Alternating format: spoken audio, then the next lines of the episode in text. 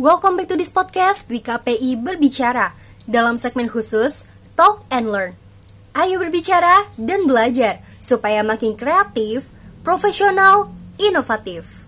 Dalam segmen khusus kali ini bakal ngebahas tentang ilmu-ilmu pengetahuan dengan menghadirkan narasumber yang keren pastinya. Yuk, buat yang kepo, langsung aja. Let's click the button, play, and enjoy.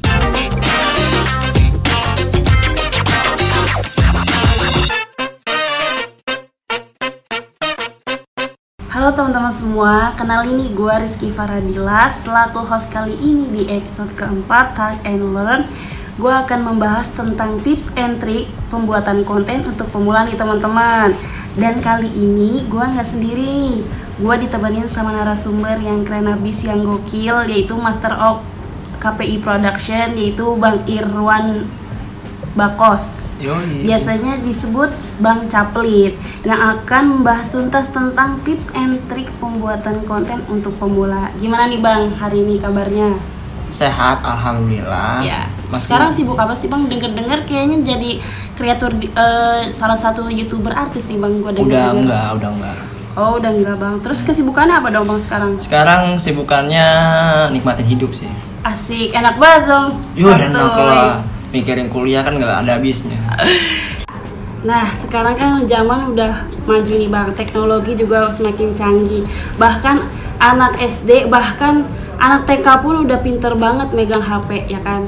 Terus ditambah sekarang konten-konten yang makin maju bahkan di zaman sekarang na- ada namanya perang konten nih Bang. Semua ber- eh, berlomba-lomba untuk mendapatkan viewers yang banyak nih Bang. Dan di sini gue mau nanya nih Bang, apa aja sih tips-tips eh, tips dan trik pembuatan konten untuk pemula sih bang Ehm, buat pemula ya. Kalau secara ada dua sih menurut menurut gua Dila Putri. Jadi eh, apa namanya konten itu ada yang mendidik dan ada yang tidak mendidik. Kita mau pilih yang mana? Konten yang mau jual eh, viewers atau kowel atau konten yang mau jual eh, edukasi. Kalau kita mau cari viewer gampang. Kan output masyarakat Indonesia kan ternyata kan yang penting terkenal. Masalah bego kan belakangan. Betul nggak? Ya, Harga diri belakangan, Hmm. ya kan? Contohnya hina agama, ya kan? Ngomong kasar, ya kan? Loh, itu kan yang paling banyak di sekarang gitu loh. Konten-konten mendidik, edukasi-edukasi agama nggak perlu viewer dikit. Tuh nggak? iya ya betul betul Betul betul kan? bahkan viewers yang banyak itu yang jedak jeduk ya bang Nah, bocil efek aja udah bisa itu. Sekarang konten-konten yang kayak gitu harus dikembangin gitu loh. Yang penting harga diri belakangan, viewer udah banyak, baru kita edukasi. Betul nggak? betul Secara kita lihat kan, contoh siapa? Eh, jangan, jangan, jangan sebut nama. Karena undang-undang ITE nanti. Kena undang-undang ITE bener gak? Contoh, kita maka bikin konten tentang eh, apa namanya demokrasi, Hmm, ya kan? Tahu arti demokrasi nggak? tahu Apa? eh, berpartisipasi bukan Salah. apa Demokrasi adalah yang demo dikreasi. ya ya kan? iya kan? Contoh kita demo obat bayaran turun kan dikreasi. Itu bikin konten tuh orang lagi demo pasti viewer naik. Ya kan?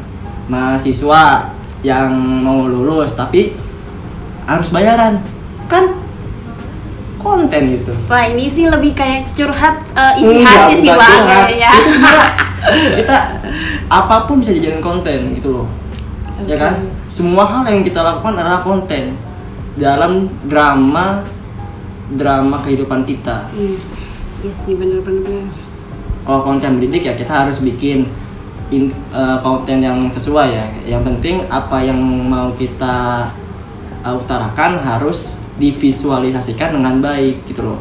Contoh eh, kita ingin mengedukasi masyarakat supaya eh, stop rasisme. Gimana caranya? Kita harus mengedukasi teman-teman eh, cara wah toleransi itu bagus loh gitu loh toleransi itu bagus loh jangan toleransi tapi tiba-tiba ngajak kan itu bukan toleransi Tapi nih bang, gue pernah nih ngeliat di suatu ok- eh, eh, akun dia tuh seorang pemuda eh, di universitas. Dia tuh eh, anaknya anak kritis. Dia Ah. bisa eh, mengkritik apa kata pejabat, apa Iya. kata pemerintah. Tapi kadang pemerintah tuh selalu bilang, alah anak kecil jajan masih pakai orang eh, duit orang tua. Itu menurut lu gimana tuh bang? Ya nggak salah pemerintah mah. Padahal pemerintah tuh nggak tahu isi otak anak yang kritis ya kan iya, bang? pemerintah kan taunya kan kita cuman anak kecil yang harus disuapin gitu kan nggak perlu pemerintah lah itu apa namanya suara-suara rakyat itu nggak perlu gitu suara-suara suara mahasiswa nggak perlu namanya juga kan eh, apalagi wakil rakyat kan sekarang gini eh raja dipilih oleh Oleh rakyat. rakyat kan Kan. tadi berarti yang rajanya siapa Yang rajanya pemerintah. ya pemerintah kan logikanya gitu wakil rakyat mah cuman ya alat lah kan kontennya Iya, iya, begitu contoh kalau kita bikin konten tentang kritisi atau mempolitisi eh, apa namanya suatu kinerja Hmm. ya kan kan harusnya kita harus pahami dulu isinya apa permasalahannya apa jangan tiba-tiba kita harus mengkritisi tanpa dasar tanpa data gitu loh. Kita kalau mau bikin konten juga harus ada riset. Nggak nggak semata-mata kita cuma bikin konten tuh gitu. Untuk edukasi ya tapi beda sama konten jedak jeduk. Oke, kita lanjut ke pertanyaan yang selanjutnya ya bang. Jadi gue mau nanya bang, apa sih bang yang dimaksud dari konten itu sendiri bang? konten konten itu apa ya? Jujur nih ya Dila eh disclaimer aja ya gue bukan siapa-siapa dan bukan gue hanya orang primitif orang apa ya pria miskin kreatif lah istilahnya. Asik. itu dong. Orang miskin masih kreatif orang Iya, kaya iya. ya enggak. Ya kan? Iya nggak ada duit. Ada duit. Nggak mungkin dong. Orang kaya tiba-tiba kreatif bikin nasi goreng di ember nggak pernah kan kreatif Itu kayaknya lebih tepat yang cuma di pondok doang nggak sih nah bang? itu dia kreatif kan Saking kreatifnya nggak nah, dari tempat. kreativitas itu nimbulin suatu konten yang Bener-bener bang. mendidik gitu Terus kalau misalkan kontennya eh, bisa memberikan viewers yang banyak nih bang. hmm. Nah, Wah. tapi eh, isinya tuh kurang bermanfaat. Wah nggak apa-apa yang penting ngejual. Viewer itu perlu loh. Artis nggak ada viewer, nggak ada doang jadi artis. Kita butuh makhluk-makhluk bodoh seperti mereka untuk menaikkan viewer kita. Edukasi belakangan, yang penting viewer uh, Yang paling yang paling utama ya bang. Ah, ah. Iya iya. Kalau kita nggak ada viewer, ngapain kita bikin konten?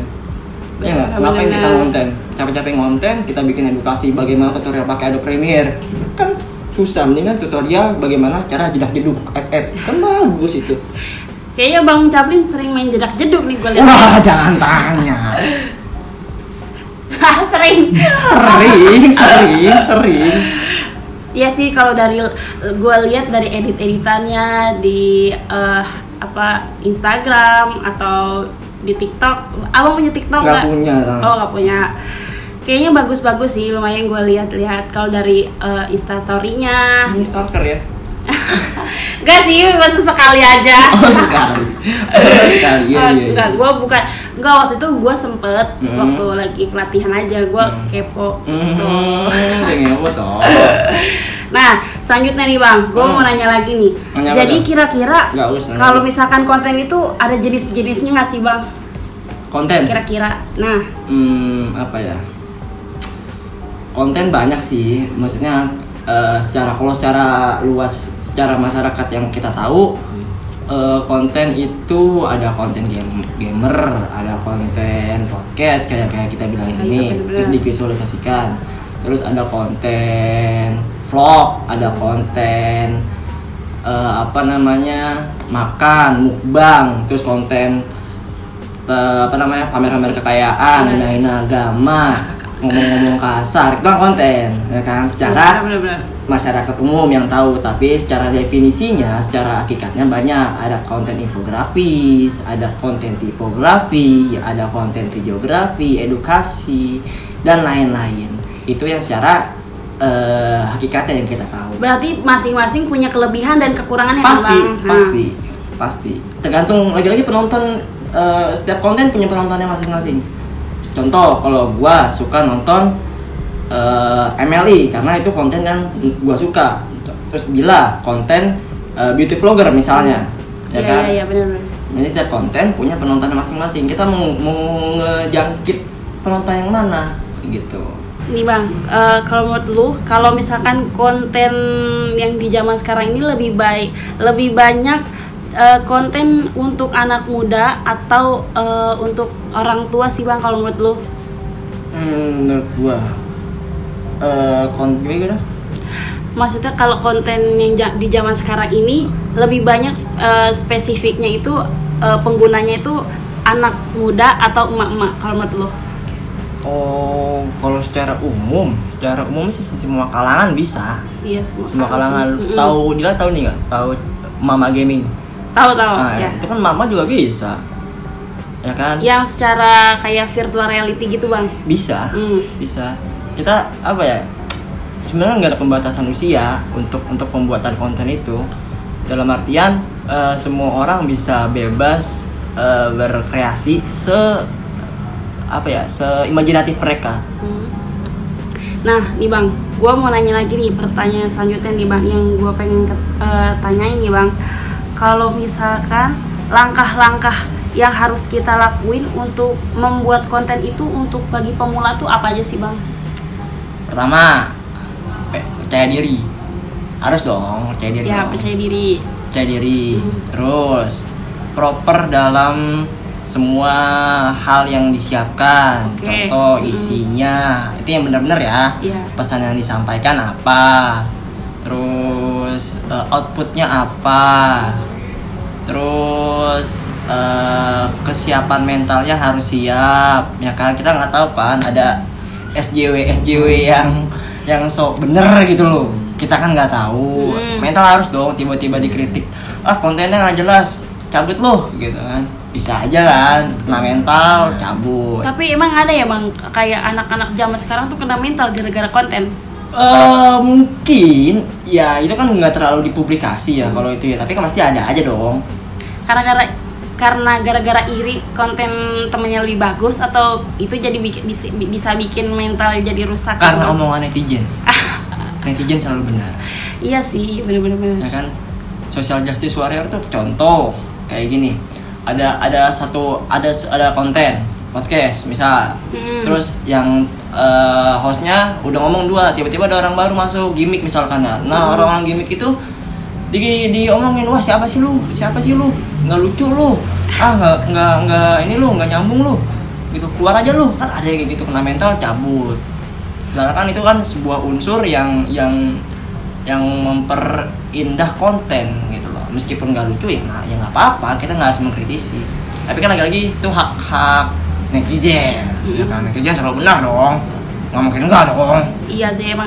Kalau dari gue lihat di dari komentar-komentarnya netizen emang kritik tuh kalau zaman sekarang tuh kayaknya para eh, kreator eh, semuanya tuh kayak lebih menuruti apa kata netizen ya bang. Iya, betul. Kayak netizen mau nyuruh coba lu makan eh, semuanya serba hijau setiap hari Ah, atau iya. eh, selama seminggu gitu Ah, kan.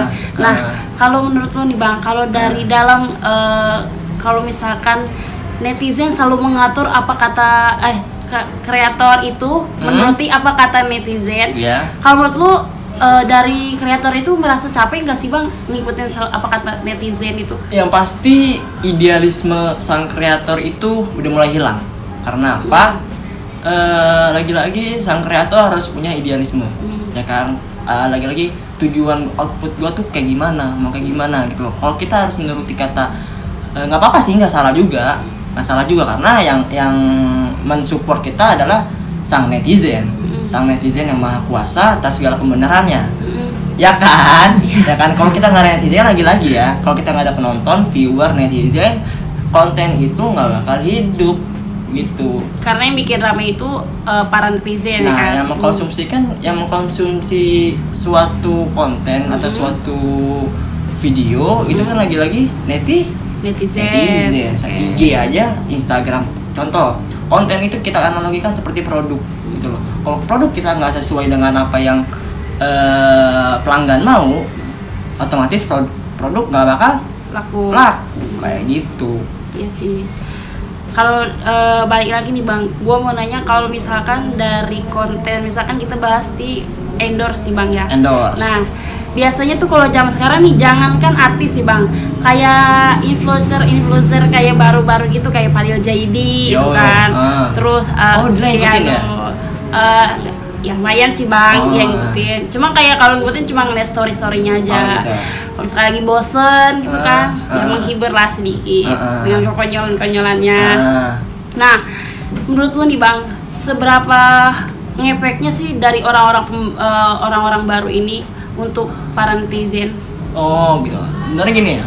eh, impact buat buat apa ya? Impact buat netizen itu penting sih. Pertama, kredibilitas mereka, Hmm, integritas penonton, hmm, bahwasannya endorsement dia itu yang tepat gitu loh.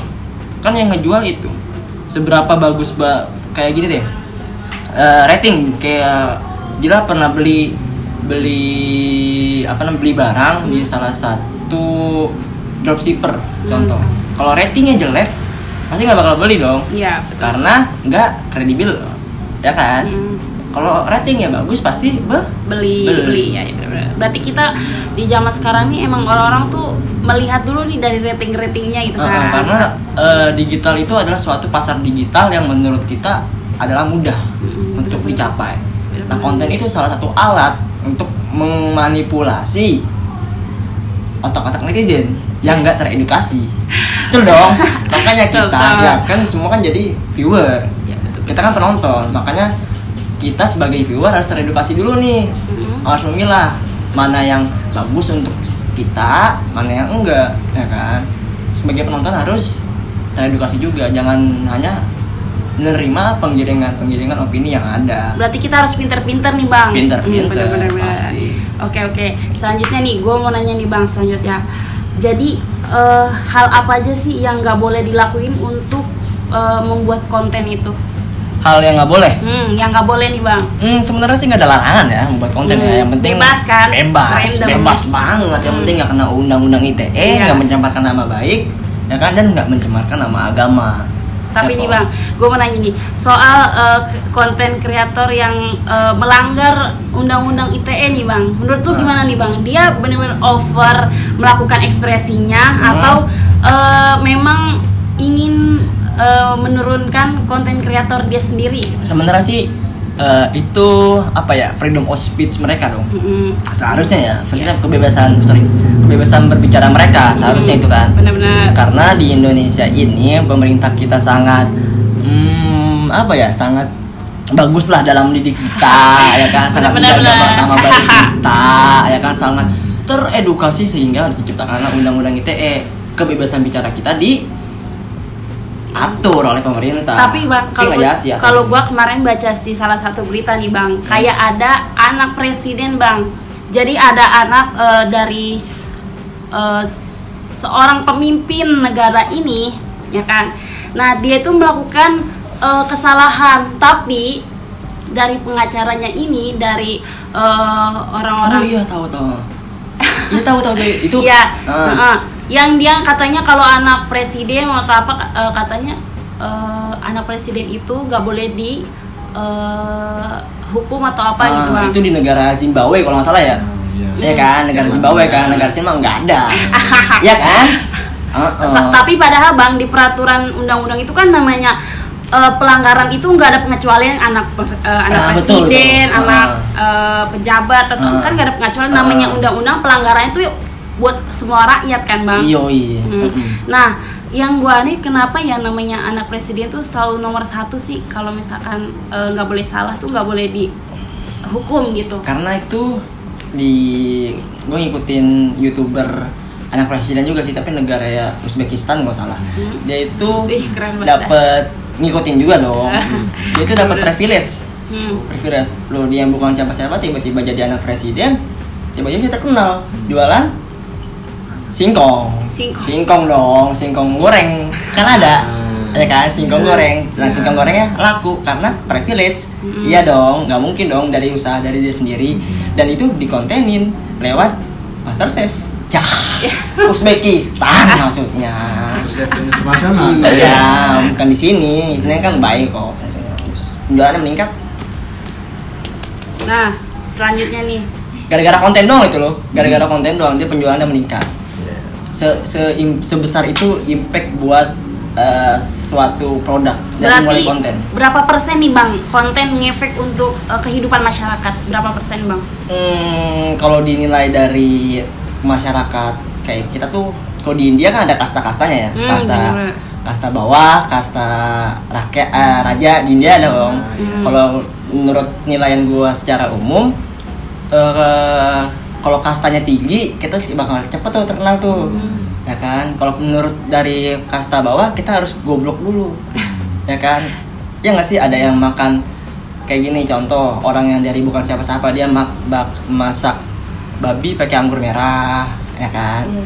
anggur merah misalnya bukan bukan itu. Mm. itu orang nonton banyak maka jadi terkenal punya nilai. Dia punya masakan yang aneh-aneh gitu Bahkan bang ada juga orang gila-gilaan yang makan cabai satu mangkok gitu bang. ada Iya benar-benar itu saking gilanya bang. dia punya nilai bahwasannya orang itu kuat makan cabe Iya sih. gitu cabe mana yang paling pedas cabe mana yang paling Tapi dia itu melakukan itu hanya untuk memenuhi konten atau emang dia suka sih bang rata-rata? gitu? konten lah Berarti konten itu mempengaruhi sangat-sangat mempengaruhi. sangat mempengaruhi Bener-bener. banget all of the box is content gitu. Content is my life content is everywhere and content is everything Bahkan Raffi Ahmad aja sehari-harinya dia tuh bahkan mau masuk hotel aja dibayar dengan konten benar nggak Eh, bang? iya, betul Iya itu. kan? Oh, oh. Dia mau makanan yang mahal pun menyewa tempat itu bahkan dibayar dengan konten. bener Rafathar tidur aja ada konten loh Iya, dapat duit Raf- Rafathar kecil-kecil aja duitnya ratusan juta Ratusan bahkan juta. miliar bang.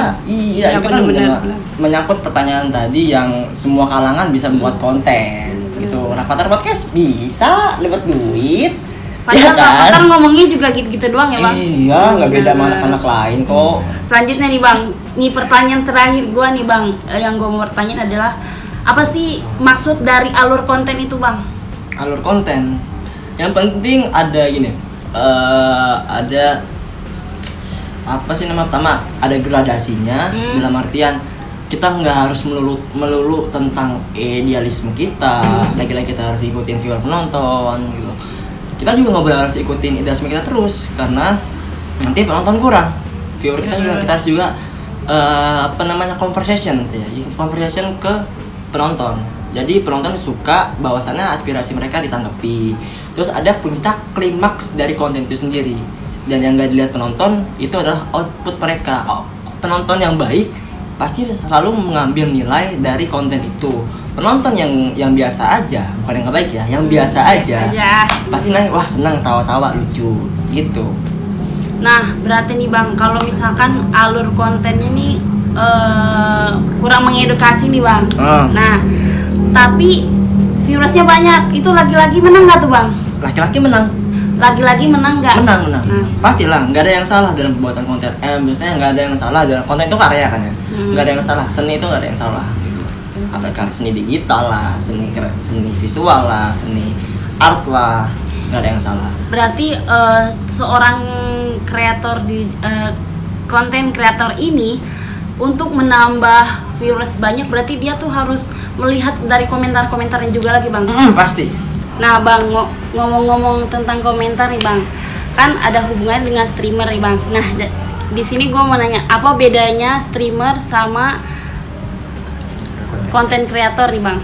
bedanya Hmm. bedanya kalau konten kreator itu kan eh, dia apa namanya tapping jatuhnya record Ya. direkam dulu Mm. baru dipublikasi kalau live streamer dia eh, secara langsung live terhadap penontonnya terhadap viewernya gitu jadi nggak ada yang bisa dia edit edit dulu kalau konten kreator kan diedit dulu mana mana bagian yang harus dikat mana yang enggak kalau streamer Iya. eh, maksudnya gini eh, streamer itu eh, mereka secara langsung berinteraksi kepada penonton. Jadi komentar-komentar mereka eh, bisa kita langsung tanggapi gitu loh. Jadi di situ nilai conversationnya ada. Contoh dari mulai streamer aja. Sekarang streamer ada namanya Saweria kan. Mhm. Yang mungkin ada beberapa orang yang tahu apa itu Saweria, apa itu enggak. Saweria itu jadi kita bisa nyawer secara virtual Hmm.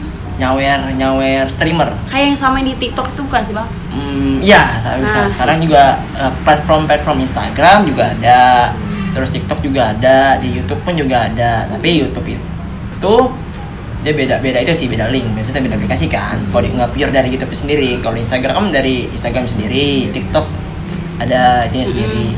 Jadi interaksinya dapat gitu.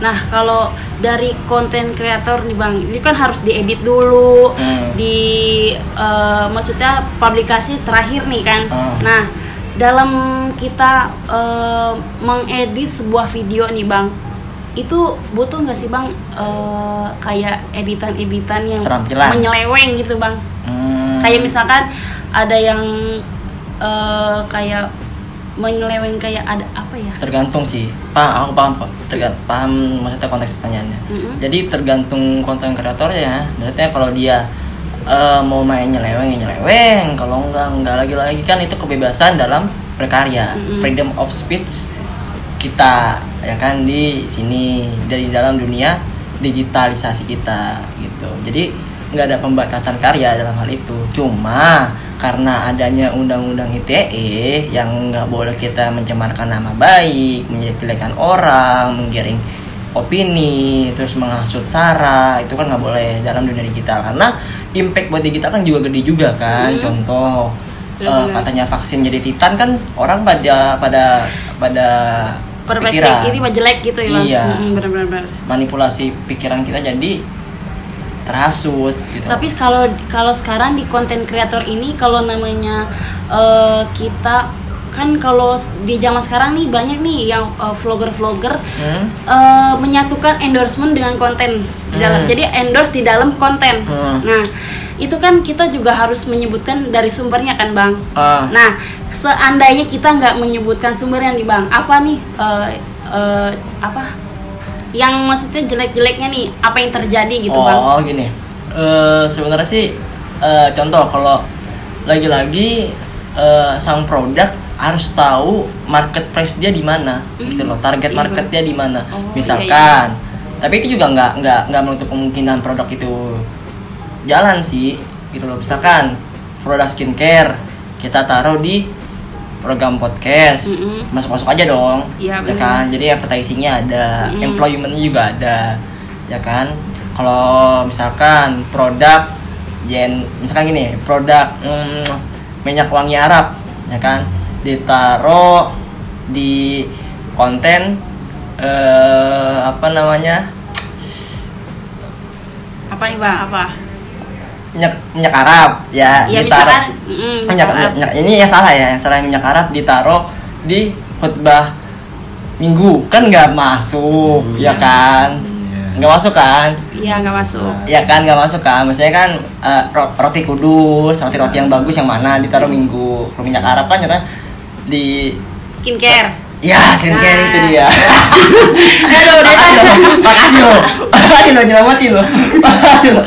Nih bang, nih gue nemuin nih s- dari seorang konten kreator dia tuh memakai salah satu eh, editan orang nih bang, tapi dia nggak menyertakan sumbernya. Sumbernya. Bang. Nah Ah. tuh, itu dia bakal kena undang-undang ITE atau enggak? enggak sih sebenarnya sih itu dari tergantung sang kreator itu sendiri dia mau mau apa namanya mau hak putus atau mau ditarik ya bebas contoh kayak podcast dari Kobizer banyak potongan klip-klip yang diupload di re-uploader re-uploader di TikTok itu tergantung jadi Kobizernya gitu mau narik apa enggak. Sebenarnya juga kalau dari lihat sisi negatif sisi positifnya eh apa ya dari sisi positifnya dia bisa nyebar luaskan. Oh ini dari Kobizer loh bisa langsung ke channel YouTube-nya. Kalau Ah, ah, promosi gratis itu kan. Kalau sisi negatifnya ya itu nggak punya karya sendiri.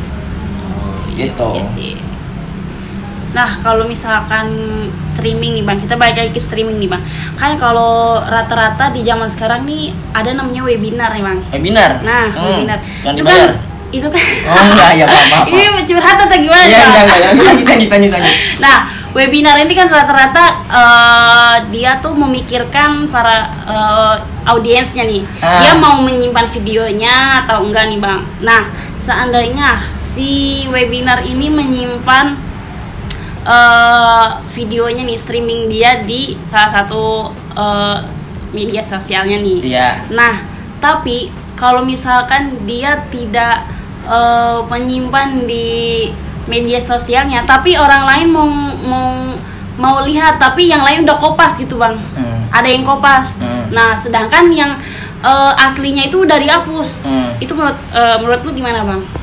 Ya nggak apa-apa sih. Lagi-lagi jejak digital tuh nggak bakalan nggak bakalan apa ya nggak bakalan hilang jejak digital. Contoh kalau kita kita ngupload foto Facebook kita tahun 2017 contoh 2013 itu kan bakal masih ada jejak digitalnya. Data-datanya masih ada meskipun kita hapus. Ya bagus sih konten-konten kayak kayak kayak gitu kan jejak digital ngapus namanya di pasti namanya eh, digital tuh pasti semuanya bakal menyebar gitu ya dalam sat- satu Dalam- menit pun udah menyebar. Iya pasti. Dan nggak bisa dihapus. Lagi-lagi kan yang punya aplikasi bukan kita. Iya sih, benar-benar. contoh kita kita bikin foto-foto di HP kita sendiri. Ada ada di digital di Google Foto. Bisa kedetek juga. Makanya hati-hatilah dalam berkarya. Gitu loh. Harus terima resikonya gitu loh. Seperti sekarang ini. Nah yang terakhir nih bang. Pesan dan kesan atau kritik nih untuk para konten kreator pemula nih bang. Pemula Apa doang nih? yang atas enggak? Ya yang yang sudah punya yang udah lama juga boleh oh boleh. Semoga suara saya didengar ya. Untuk konten kreator yang apa namanya yang pemula ya berkaryalah selagi masih bisa. Nggak ada batas waktu kok untuk berkarya. Mau sejelek apa pun kalian karya kalian mau sengaja jelek kok maksudnya mau sekurang apa pun karya kalian mau kalian kurang pede kalian kurang Allah apa seenggaknya ya berkaryalah sesuai dengan apa yang kalian inginkan gitu loh. Dan untuk yang kreator yang di atas ya semoga suara saya didengar tolonglah didik masyarakat yang bagus gitu loh. Berikan konten-konten yang mendidik. Jangan kan sing apa ya jangan kan eh, jangan apa ya jangan cuma pamer kekayaan pamer HP makan-makan mukbang apalah maksudnya generasi kita tuh generasi yang kreatif gitu loh. Jangan cuma hal-hal yang pendek gitu doang gitu loh. Kita juga bisa kok masalah cuman eh, pamer-pamer iPhone pamer-pamer apa apa ya konten-konten TikTok kan kayak gitu kan. Selebgram selebgram ngomong di hotel lah healing healing healing healing lah healing healing di Bali jadi apa tuh artis, artis pada vlogger ya mereka apa oke lah fine itu eh, bentuk ekspresi mereka untuk meng, ap- mengapa ya mengekspresikan dirinya dirinya Nah, tapi kan seenggaknya ya ya berpikirlah gitu loh oke lah fine memikirkan kalangan bawah gitu bang Nah, edukasinya mau kayak gimana gitu. Ada yang nggak edukasi nggak tahu nggak? Contoh kalau gamer sih menurut gua nggak salah. Iya. Gamer nggak salah. Maksudnya ya gamer ada punya nilai juga. Mereka bisa punya nilai. Gitu. Oke teman-teman, udah banyak nih kita sharing dan ilmu yang sudah eh, diberikan oleh narasumber kita pada hari ini nih kepada saya khususnya pribadi dan untuk teman-teman semua banyak sekali ilmu yang bisa kita tangkap dan kita terapkan nih di lingkungan masyarakat. Kesimpulan podcast kita hari ini adalah jadi jadi seorang konten kreator itu nggak boleh namanya melanggar undang-undang UTE. Nah, terus yang gua pahami lagi adalah viewers itu lebih utama daripada konten dan juga harus diimbangin juga da- eh, konten eh, yang dibuat sama viewersnya. Terus eh, kita juga kalau misalkan mau maju terus nih dalam berkarir, dalam berkarya, nah kita juga harus lihat nih dari eh, audiens audiens audiensnya dari audiens audiensnya Eh, apa sih mau mereka gitu. Jadi jangan eh, mengeluarkan konten yang itu itu saja gitu. Harus mengeluarkan konten yang eh, bervariasi gitu. Oke teman-teman mungkin untuk episode Talk and Learn pada saat ini usai sampai di sini. Terima kasih untuk Bang Caplin dan teman-teman pendengar lainnya. Saya Rizky Faradila dan Bang Caplin pamit undur diri. Terima kasih semua. Bye Terima kasih sudah mau mendengarkan podcast di KPI Berbicara dalam segmen khusus Talk and Learn. Tunggu episode selanjutnya. See you on the next podcast. Bye!